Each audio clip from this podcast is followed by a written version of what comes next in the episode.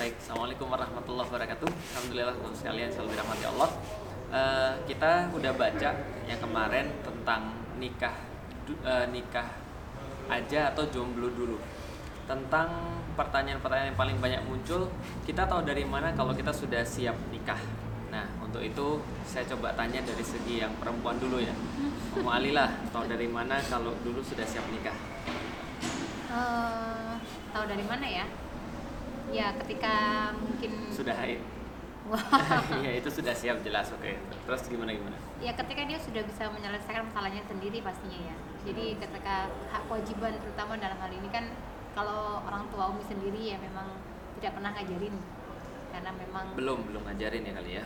ya belum ngajarin istilahnya secara dalam pandangan Islam seperti apa Tentang gitu pernikahan, kan ya. Oh, jadi waktu selesai apa namanya pas selesai kuliah ya dapat ilmunya dari ketika ngaji di kampus gitu kan ya Ya. kalau sama orang tua ya sebatas ya ilmu-ilmu ini aja dunia aja lah gitu kan ya Mhm. tapi kalau untuk bagaimana pandangan dalam Islam itu ya Umi peroleh ketika kajian kajian gitu kan ya Kajian. Berarti tahu dari mana setelah ngaji Islam itu terus merasa kayaknya saya udah siap nih. Eh, dari mana jadi pas bingung. Abi pas Abi mengkhidbah Umi terus kenapa Umi terima? Ah, kenapa Umi merasa bahwa Umi udah siap itu maksudnya? Oh, ya sudah umur juga kali ya, udah umur. Kemudian juga dari sisi eh, apa namanya, ketika mendapatkan mungkin dalam hal ini calon yang sama-sama ngaji, kemudian juga ya kalau dibilang PD sebenarnya belum ada standar PD itu di mana kan nggak ada gitu kan ya. Tapi ketika eh, ketemu dengan calon yang juga sama-sama kita tahu bagaimana pemahamannya tentang Islam, bagaimana ketika dia jadi seorang pemimpin. Nah, itu jadinya ada rasa boleh nih kayak Boleh gitu nih. loh. Api gitu. dong. Jadi Enggak, maksudnya tadi perlu digarisbawahi tadi eh, kalau kita sudah bisa menyelesaikan permasalahan-permasalahan sendiri. Mm. Nah, berarti kan ada orang yang menikah ternyata belum bisa menyelesaikan permasalahan-permasalahan sendiri. Mm. Nah, misalnya contoh kayak apa misalnya? ya ketika mungkin secara apa namanya bagaimana hubungannya dia dengan orang tuanya terutama ya dalam hal ini kan ketika sudah berumah tangga gitu kan ya seorang perempuan itu harus bisa mandiri ya mandiri tidak selalu harus anak umi banget gitu kan ya atau anak bapak banget gitu kan ya tapi dia sudah bisa menyelesaikan masalahnya sendiri tanpa harus di situ sedikit-sedikit atas orang tua kayak Iya. gitu kan ya karena yang tipe yang kayak gitu kan juga ada Hmm. ya teman-teman umi yang di situ juga sedikit-sedikit ibunya Hmm. sedikit-sedikit bapaknya yang Ngadu. mengambil keputusan iya kayak gitu kan ya Oke. nah tapi ketika eh, zaman eh, apa namanya umi wasalsa itu ya gitu kan ya jadi semua ya mandiri gitu kan Kalau ya ada yang nanya gini, eh, apakah seorang perempuan harus sudah bekerja atau sudah punya penghasilan, punya punya duit misalnya? Enggak apakah sih. itu yang dimaksud dengan mengurus diri sendiri? enggak enggak Bukan. Oke. bukan karena dulu juga umi nggak ada kerjaan Oh gitu. ada Ah, sih baik. Ah, kalau gitu, apakah harus ada sudah hafalan tertentu misalnya, atau sudah berapa hafalan misalnya? enggak sih Enggak juga. Kalau gitu, apakah sudah harus mencapai level tertentu? Oh, itu game itu enggak ya? apakah harus harus mencapai titik tertentu gitu misalnya? Umur tertentu? enggak Enggak juga. Nah, berarti eh, dari mana kita melihat bahwa kita tuh udah bisa menyelesaikan permasalahan sendiri? Misalnya. ya dari sisi sehari-hari aja lah gitu kan ya ketika kita apa namanya berinteraksi dengan lawan jenis gitu kan ya bagaimana kita eh, dengan lawan jenis yang bukan mahram gitu kan ya apakah kita sudah bisa menjaga diri apa belum Tahu hukumnya gitu ya. iya karena kebanyakan kan ketika seorang perempuan eh, apa namanya sebelum mau nikah sama seorang ikhwan gitu kan ya itu kan juga mereka masih terbiasa ya bercampur baur kemudian interaksi yang seharusnya itu nggak terjadi lah kalau bukan yang mahramnya gitu kan ya.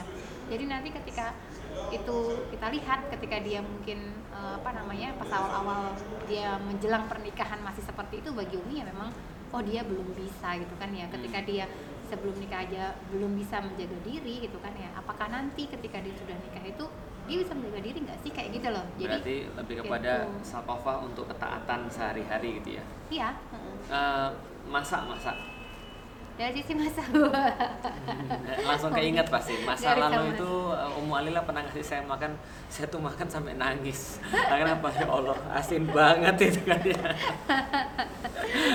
Masya Allah itu garamnya itu kayaknya ditaruh supaya saya darah tinggi ya sudah langsung cepat mati biar gitu ya. Eh, berarti masak nggak harus ya? Ya masa itu harus juga ya karena memang dalam ini- air, ya masak mie. gimana ya kalau seandainya dibilang yang dasar namanya dasar. paling enggak ya dia tahu lah cara masak bikin sop gitu Oh, lah gitu sop, kan ya. iya. Terus apa masak lagi? bikin telur dadar gitu ya Eh, kayaknya remeh banget pernikahan itu. ya. Oke baik terus apa lagi kira-kira? yang kira-kira dasar lah gitu kan basic Iya. eh, ketika seorang perempuan itu dengan Dengan apa? ada kucing ya maksudnya Ya. dia nggak arti lah dengan eh, dapur gitu loh Bi. Oke. jadi bagaimana Nggak nanti jijian. iya gitu kan Ah. ya bagaimana nanti dia cuci piring gitu kan ya itu kan jorok ya cuci piring kotoran semua Tapi kan orang gitu bilang kan ya. orang bilang kan bisa pakai pembantu. Ya nggak masalah sih kalau dia misalkan dapet suami kaya raya gitu kan Tapi ya sudah harus siap minimal dengan Iya. kerjaan rumah tangga. ya Walaupun gitu. bukan berarti kita kita itu memposisikan perempuan menjadi pembantu gitu ya. Bukan, tapi maksudnya harus siap ya laki-laki juga harus siap dengan pekerjaan-pekerjaan rumah tangga kayak manjat genteng gitu ya. Apalagi eh, bayar listrik gitu ya. Terus apa lagi? Eh, Ngecat rumah. Ngecat rumah gitu ya. Saya aku pernah ngecat rumah. Kayaknya enggak. Berarti bukan itu juga yang diperlukan untuk menikah. Terus apa lagi kira-kira yang diperlukan untuk menikah yang paling krusial nih? Kan ada ada orang banyak tanya, saya udah siap belum ya? Saya udah siap belum ya? Apakah kalau saya sudah udah lihat cowok terus kemudian kayaknya saya pengen dia jadi imam saya, apakah itu udah siap? Eh, yang pasti ketika Kebelet nikah itu apa udah siap? Eh, ketika seseorang itu sudah memutuskan untuk mau nikah ya berarti dia jangan sampai berharap di situ dia akan beres sama masalah gitu kan Iya. ya. Tapi yang pasti menikah ini kan niatnya adalah mengambil ibadah dari sisi yang lain gitu kan ya. Sehingga ketika nanti di tengah perjalanan itu banyak masalah, banyak ujian, cobaan gitu kan ya, ya sesuatu hal yang kita nggak kaget gitu Iya. kan ya, karena eh, pada kenyataannya banyak yang orang-orang itu berharap gitu kan ya ketika dia sudah menikah itu akhirnya dia udah tenang, dia Ya. sudah ada gandengan, dia sudah merasa ada yang melindungi gitu kan ya. Hmm. Padahal kenyataannya bisa jadi itu cuma berapa hari lah Ya. gitu kan ya. Tapi ketika sudah berjalannya waktu itu kan ya, itu sesuatu yang eh, apa namanya terjadi tuh kadang-kadang jauh dari yang kita bayangkan gitu loh. Nah kita tuh harus siap gitu kan yang ya. Bayangin dulu apa? Ya dulu ketika eh, nikah sama Abi nih gitu kan ya, ya seneng sih gitu kan ya, udah ada udah ada calon Ya, gitu itu kan udah ya. laku gitu ya. Iya gitulah gitu kan ya. Cuman dalam hal ini itu kan di antara kita berdua doang. Ya. Nah sementara nikah itu kan nggak cuma kita berdua doang gitu kan Ya, ya, Tapi, kita berdua dan dunia. Nah, gitu kan ya, ada keluarga, ada keluarga Umi, ada keluarga Abi gitu kan ya. Kemudian juga bagaimana kita sehari-hari gitu kan ya, itu kan juga terlibat. Jadi nggak yang selamanya kita pacaran berdua terus nggak ada masalah gitu kan ya. Ya itu sih. Jadi Pacaran setelah nikah ya garis bawahi. eh, gitu kan ya. Jadi itu harus siap gitu kan ya. Oke. Jadi harus bareng-bareng lah menghadapi semuanya itu butuh keteguhan banget lah Iya. supaya tidak mau Jadi garis bawahi sebenarnya kalau yang Ummu Alila sampaikan itu adalah kita harus coba bertanya ya kayak kalau misalnya kalau kalau cowok tuh mungkin kayak pas mau beli HP ya atau beli gadget ya itu kita lihat review gadgetnya tuh makin lama kan makin nafsu ya. Oh ini kayak bagus banget oh keren. Ini kayak gue harus miliki bener-bener gue harus miliki tapi sebenarnya kita nggak perlu sebenarnya. Kita belum sampai pada titik perlu. Kita cuma nafsu kita cuma eh, kebelet ketika kita banyak baca review-review itu. Kayak gitu nggak sih dek sebenarnya? Kan kalau kita lihat orang zaman sekarang ya yang baper-baperan ya yang oh uh, kayaknya keren banget. Terus berpegangan tangan video 360 derajat itu. Wah kayaknya keren banget. Wah bahagia slow motion dan segala macam. Nah ketika orang lihat orang-orang sudah nikah pasangan-pasangan kayak gitu kepikirlah kemudian dia untuk nikah. Padahal mungkin dia nggak perlu atau belum perlu untuk menikah. Tapi gara-gara banyak baca review-review tentang nikah itu lantas dia jadi baper. Karena yang yang dia lihat tiap hari ya nggak ada yang lain selain cuma itu aja. Gitu kan ya akun-akun yang di follow juga akun-akun yang bikin baper gitu kan ya. Nah jadi ya bagaimana mungkin dia bisa tenang gitu kan ya ketika melihat semua itu. Dia nggak pernah puasa juga dia nggak pernah belajar agama juga kalaupun sekali-kali datang ke pengajian untuk modus gitu kan misalnya. Lah ini ini ini ada perbedaan antara terburu-buru dengan kemudian benar-benar perlu. Jadi maksud Ummu Alila itu adalah yang ajak coba yang yang ajak tuh bahasa Indonesia nya konsisten yang bukan eh, yang mantep. yang mantep, yang santai, yang ajak, yang eh, adem gitu lah kira-kira. Yang eh, jangan terburu-buru. Ajak itu kan tidak tidak grus gerusa gerusu gitu kayak uh, coba yang ajak dulu. Coba pikirkan baik-baik. Lu ini saya sebenarnya sebenarnya sudah siap untuk nikah atau belum? Saya benar-benar perlu atau tidak untuk menikah? Kalau kita merasa ya memang saya perlu saya mau naik level seperti kemarin sudah kita bahas dari kepompong kupu-kupu. Saya mau naik fase, dakwah saya mau berkembang lebih luas, saya mau kemudian masuk dalam masyarakat sebagai sebuah keluarga, saya mau membangun sebuah keluarga, saya ingin kemudian menghasilkan generasi-generasi yang baik untuk memperjuangkan Islam dan Bismillah, insya Allah dengan dengan pernikahan ini saya menggenapi setengah lagi agama saya dan saya menginginkan ketaatan yang lebih kepada Allah Subhanahu Wa Taala dengan menjaga kemudian diri saya daripada godaan-godaan yang lain. Nah itu kalau begitu nikah itu dari Ummu Alila. Nah sekarang dari saya. Jadi gini, Rasulullah Shallallahu Alaihi Wasallam sebenarnya memberikan sebuah batasan yang sangat jelas sekali.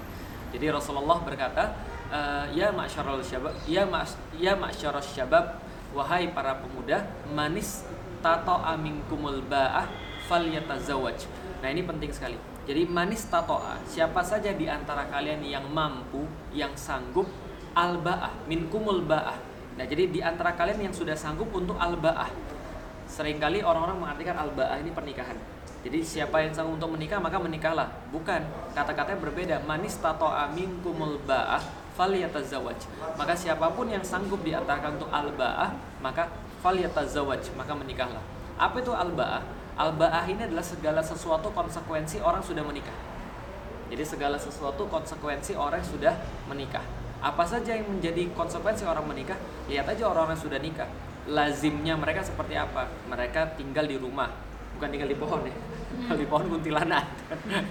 Mereka tinggal di rumah. Gitu kan ya. Bukan di air juga kalau di air ikan gitu ya. Nah, selain ikan ada yang lain tapi saya nggak mau ngomong gitu kan ya. Mereka tinggal, tinggalnya di rumah. Terus kemudian mereka mereka uh, suaminya memberikan pakaian buat istrinya jelas.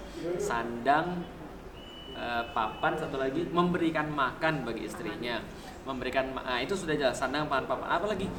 Memberikan perlindungan memberikan pendidikan, memberikan nafkah lahir maupun batin. Nah, ini yang disebut dengan al-ba'ah. Jadi kalau seandainya seseorang itu sudah punya al-ba'ah, falyatazawaj, maka dia sudah siap untuk menikah. Maka menikahlah kata Rasulullah. Karena Rasul tidak mungkin memerintahkan orang untuk menikah kecuali dia sudah siap. Maka al-ba'ah di sini bisa menjadi sebuah ukuran. Nah, apa saja yang kita bisa lihat? Oke, kita bagi tiga deh. Satu, kesiapan fisik. Yang kedua, kesiapan agama atau kesiapan uh, visi sakofah gitu kan ya. Yang ketiga adalah kesiapan emosional. Karena ada orang yang sudah siap mental sorry sudah siap harta sudah siap fisik dia sudah balik dia bisa kemudian secara biologis menghasilkan keturunan tapi dia tidak punya uh, sakofah. Dia tidak punya visi hidup. Dia tidak punya tuntunan seperti yang Ummu bilang. Dia nggak tahu bagaimana ber, uh, bergaul dengan lawan jenis. Dia nggak ngerti bagaimana caranya sholat uh, sholat jadi imam. Dia nggak ngerti apa yang membatalkan keimanan. Dia nggak ngerti bagaimana Islam bekerja. Lalu terus gimana dia bisa jadi imam? Bisa jadi pemimpin yang mengarahkan jalan ke depan. Itu yang itu yang pertama. Jadi ada ada ada, ada kecukupan fisik tapi tidak ada agama dan tidak ada tidak ada emosional mental percuma ada orang yang sudah siap secara kemudian sakofah tapi dia belum siap secara secara fisik. Ya itu juga jangan. Uh, sudah siap anak SD mau nikah deh. Anak SD nangis nangis mau nikah. Ya nggak bisa. Saya sudah menghafalkan Quran saya sudah belajar agama saya sudah tahu tentang bagaimana jadi imam dalam rumah tangga. Tapi dia nggak punya eh, kecukupan eh, fisik nggak bisa juga. Ada kecukupan fisik dan ada kecukupan agama tapi secara emosional dia nggak matang kayak Umalila bilang tadi ada masalah dikit ngadu orang tua ada masalah dikit nangis nggak mau ngomong. Ada masalah dikit diem dieman mutung mutungan ada masalah dikit langsung main gampar. Ini secara emosional nggak benar. Nah ini juga nggak bisa. Jadi tiga kecukupan fisik. Yang kedua adalah kecukupan uh, sakofah atau agama. Yang ketiga adalah kecukupan emosional. Dari mana belajar kecukupan fisik? Insya Allah ini secara biologis. Insya Allah semuanya udah beres lah insya Allah. Kalau sudah balik yang perempuan sudah haid insya Allah sudah siap untuk menikah. Oh, tambah dingin ya Iya. yang kedua, yang kedua, uh, yang kedua adalah kecukupan, kecukupan, uh, kecukupan agama. Nah, kecukupan agama lewat apa? Lewat halqah, lewat liqa, lewat kemudian pertemuan-pertemuan agama, majelis-majelis agama. Bukan hanya belajar ngaji ya, bukan hanya ngaji Al-Qur'an alif ba bukan. Bukan kemudian hanya uh, hanya membaca Al-Qur'an, tapi benar-benar mengkaji Islam sampai kita bisa menjadikan Islam itu sebagai pandangan hidup dan prinsip hidup kita. Jadi tujuan mau ke mana dan kita sekarang koridornya apa, semuanya diatur Islam. Itu adalah sakofah Nah itu kemudian belajar halqah, belajar kemudian untuk liqah, belajar kemudian di dalam di dalam majelis-majelis. Yang majelis-majelis itu memang terkhususkan untuk persiapan nikah lebih bagus lagi. Itu yang kedua.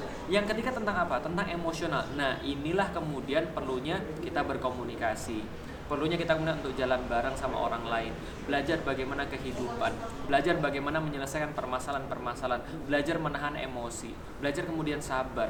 Belajar kemudian kita untuk supaya ya bisa untuk menjalani pernikahan dengan baik. Supaya kita tidak kemudian cepat emosi. Cepat kamu uh, tidak tidak mudah untuk menempat sorry tidak bisa menempatkan diri dengan baik di depan pasangan ataupun di depan uh, yang lain. Saya sama Umwalila pernah nggak marahan? Pernah tapi setidaknya kita marahnya nggak pernah di luar dan nggak pernah di story. Paham teman sekalian? Juga nggak pernah nggak pernah di posting gitu kan ya? Paham ya? Nah itu itu salah satu kemudian uh, kecerdasan emosional. Yang itu nggak dipelajari di Sakova. Juga nggak ada secara fisik. Bisa paham ya ya jadi nggak pernah juga kita kemudian publikasi di YouTube saya tuh nggak seneng banget sama Ummu Alila. Sifatnya itu loh gini gini gini. Lalu dibalas dari sana terus balas balasan jadi kemudian makanannya uh, apa namanya akun-akun. Uh, ini persiapan azan. Baik teman sekalian uh, nanti insya Allah kita coba sambung dalam kemudian uh, video yang lain. Yang jelas adalah ada tiga persiapan tadi persiapan fisik persiapan agama yang ketiga adalah persiapan emosional. Insya Allah